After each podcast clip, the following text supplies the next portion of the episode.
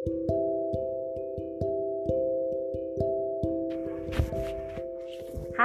Assalamualaikum warahmatullahi wabarakatuh. Kembali lagi di Anchor Podcast Via Banjar.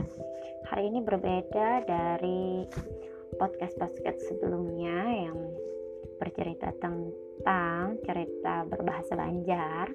Hari ini agak sedikit beda saya membawakannya dalam berbahasa Indonesia namun tetap menceritakan tentang cerita rakyat khususnya etnik Banjar, Kalimantan Selatan. Untuk hari ini, cerita rakyat yang saya pilih adalah Putri Junjung Luih. Oke, yuk kita kenalan dengan siapa itu Putri Junjung Luih. Berdasarkan cerita rakyat yang saya sadur dari laman dongengceritarakyat.com. Silahkan disimak. Ceritanya diberi judul dengan Selembar Selimut untuk Bayi yang Cantik. Alkisah, di Kalimantan Selatan berdirilah kerajaan negara Daha, yakni di daerah Amuntai, Hulu Sungai Utara. Rakyatnya hidup damai sejahtera di bawah pemimpin dua raja, yakni Raja Patmaraga dan Raja Sukmaraga kakak beradik itu memerintah dengan sangat adil, saling menghargai, saling hidup rukun. Namun ada satu hal yang mengurangi kebahagiaan mereka, yaitu mereka berdua belum dikaruniai keturunan.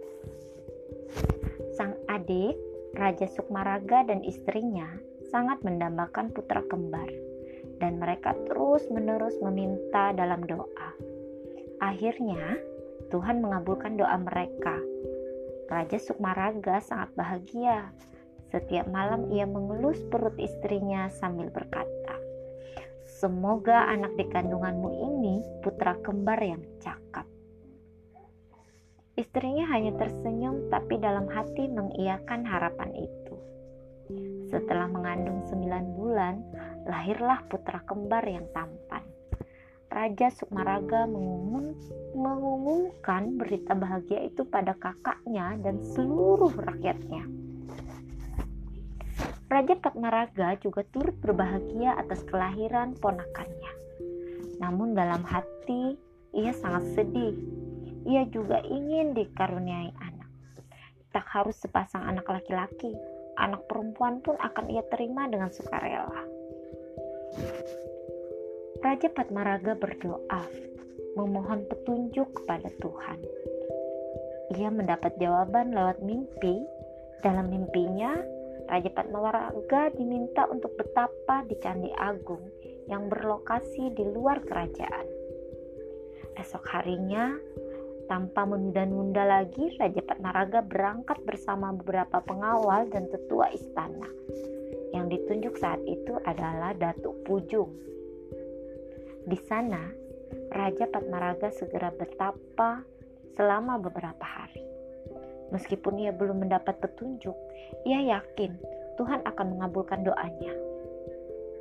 Benar saja, dalam perjalanan pulang, Raja Patmaraga melewati sungai. Betapa terkejutnya ia ketika melihat seorang bayi perempuan yang sangat cantik terapung-apung di sungai. Apa itu? Apakah aku tak salah lihat? Bagaimana bisa ada bayi di sini? Tanyanya dalam hati. Dengan sangat hati-hati ia mengangkat bayi itu. Datu Pujung, bantulah aku menggendong bayi ini. Dengan sigap Datuk Pujung mengambil bayi itu dari pelukan Raja Patmaraga. Betapa herannya mereka. Bayi itu tidak menangis, melainkan berbicara. Mereka ternganga mendengar kata-kata yang terucap dari mulut bayi itu. Jangan bawa aku seperti ini. Mintalah 40 wanita cantik untuk menjemputku. Satu lagi, aku tak bisa ikut dalam keadaan telanjang seperti ini. Kalian harus menyediakan selembar selimut yang ditenun dalam waktu setengah hari saja. Raja Patmaraga segera memerintah Datu Pujung untuk kembali ke istana dan mengadakan sayembara untuk mendapatkan selimut yang diminta bayi. Selain itu, ia juga harus mengumpulkan 40 wanita cantik. Pengumuman Raja Patmaraga sedang menunggu kita. Barang siapa yang mampu menenun selembar selimut untuk bayi dalam waktu setengah hari akan diangkat menjadi pengasuh bayi, kata Datuk Pucung. Mendengar pengumuman itu, rakyat gaduh dan berbisik-bisik. Banyak yang menanyakan siapa kira-kira yang mampu menenun selembar selimut dalam waktu setengah hari.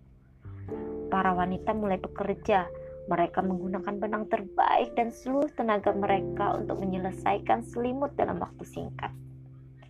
Namun, waktu yang ditentukan orang pun yang selesai. Datuk Pujung nyaris putus asa Ketika ia tiba-tiba putus asa dan hampir menyerah, seorang wanita menghampirinya. Tuanku, ini selimut hasilan saya. Terimalah dengan cermat apakah selimut ini cukup untuk menyelimuti bayi Raja Patmaraga. Katanya sambil menyerahkan selembar selimut yang dilipat rapi. Datu Pujung membuka lipatan selimut tersebut dan Wah, indah sekali selimut itu, gumam para wanita yang berkerumun di sekitar Datu Pujung. Siapakah namamu? Aku rasa kau pantas menjadi pengasuh bayi Raja Patmaraga, kata Datu Pujung. Nama saya Ratu Kuripan. Saya akan sangat senang jika Raja Patmaraga berkenan menjadikan saya pengasuh putrinya. Jawab wanita itu. Datu Pujung, Ratu Kuripan, dan 40 wanita cantik berangkat menjemput Raja Patmaraga. Bayi itu pun dibungkus dengan selimut buatan Ratu Kuripan. Cantik sekali.